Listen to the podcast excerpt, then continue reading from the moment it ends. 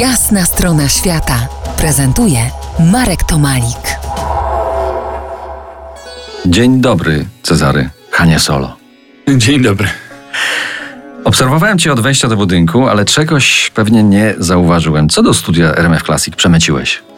Dwie książki. Po jasnej stronie świata Cezary Borowy, zapalony biegacz, mistrz Polski, medalista Mistrzostw Świata Nordic Walking w 2009 roku, miłośnik dendrologii, przewodnik po Indiach. W latach 80. mieszkał w południowej Azji, w Indiach i w Singapurze, gdzie trudnił się przemytem. Autor porywającej książki Spowiedź Hanna Solo Byłem przemytnikiem w Indiach. Aby złapać treść Twojej książki, musimy cofnąć się do tamtych czasów, do lat 80. XX wieku, kiedy pękał system.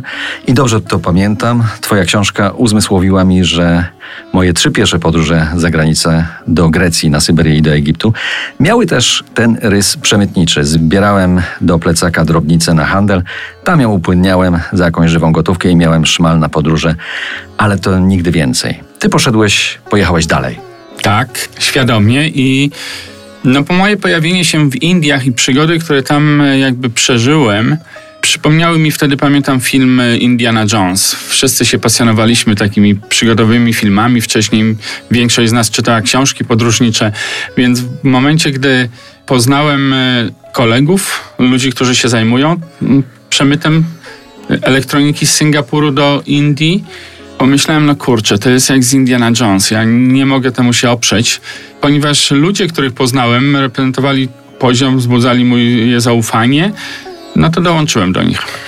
Przypomnij, dlaczego tak musieliśmy robić? Jakie były realia finansowe polskiego studenta w latach 80., jego zdolność ekonomiczna do spełniania marzeń bardziej lub mniej egzotycznych podróży? No tak, to przypomnę takie podstawowe fakty, że pensja przeciętna wynosiła 20 dolarów. Szczytem marzeń była podróż do, do Bułgarii, a większość z młodych ludzi starała się, bo to nie było proste. Trzeba było dostać paszport, załatwić wizę, wizę wyjechać na zachód do pracy. Podobnie jak dzisiaj, tylko że wszyscy pracowaliśmy tam na czarno, nielegalnie, łamiąc prawo pracy tamtychże krajów. I szczytem jakby marzeń, takim y, szczytem przedsiębiorczości to było pojechać na zachód, pracować, nie wiem, na zmywaku na czarno i wrócić jakimś używanym samochodem. I to był taki szklany sufit, powyżej którego trudno było sięgnąć marzeniami. Zebranie kwoty potrzebnej na zakup mieszkania, na przykład na wolnym rynku, bo nie było deweloperów, można było kupić tylko używane mieszkania, no to przerastało w ogóle wyobraźnię. W związku z tym y, ludzie, którzy wybrali y, ten rozwój poprzez handel y, międzynarodowy, tak go nazwijmy, no, mieli zupełnie inne możliwości, inne szanse.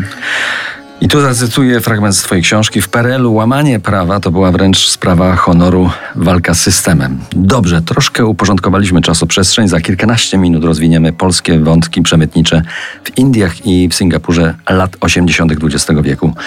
Zostańcie z nami po jasnej stronie świata.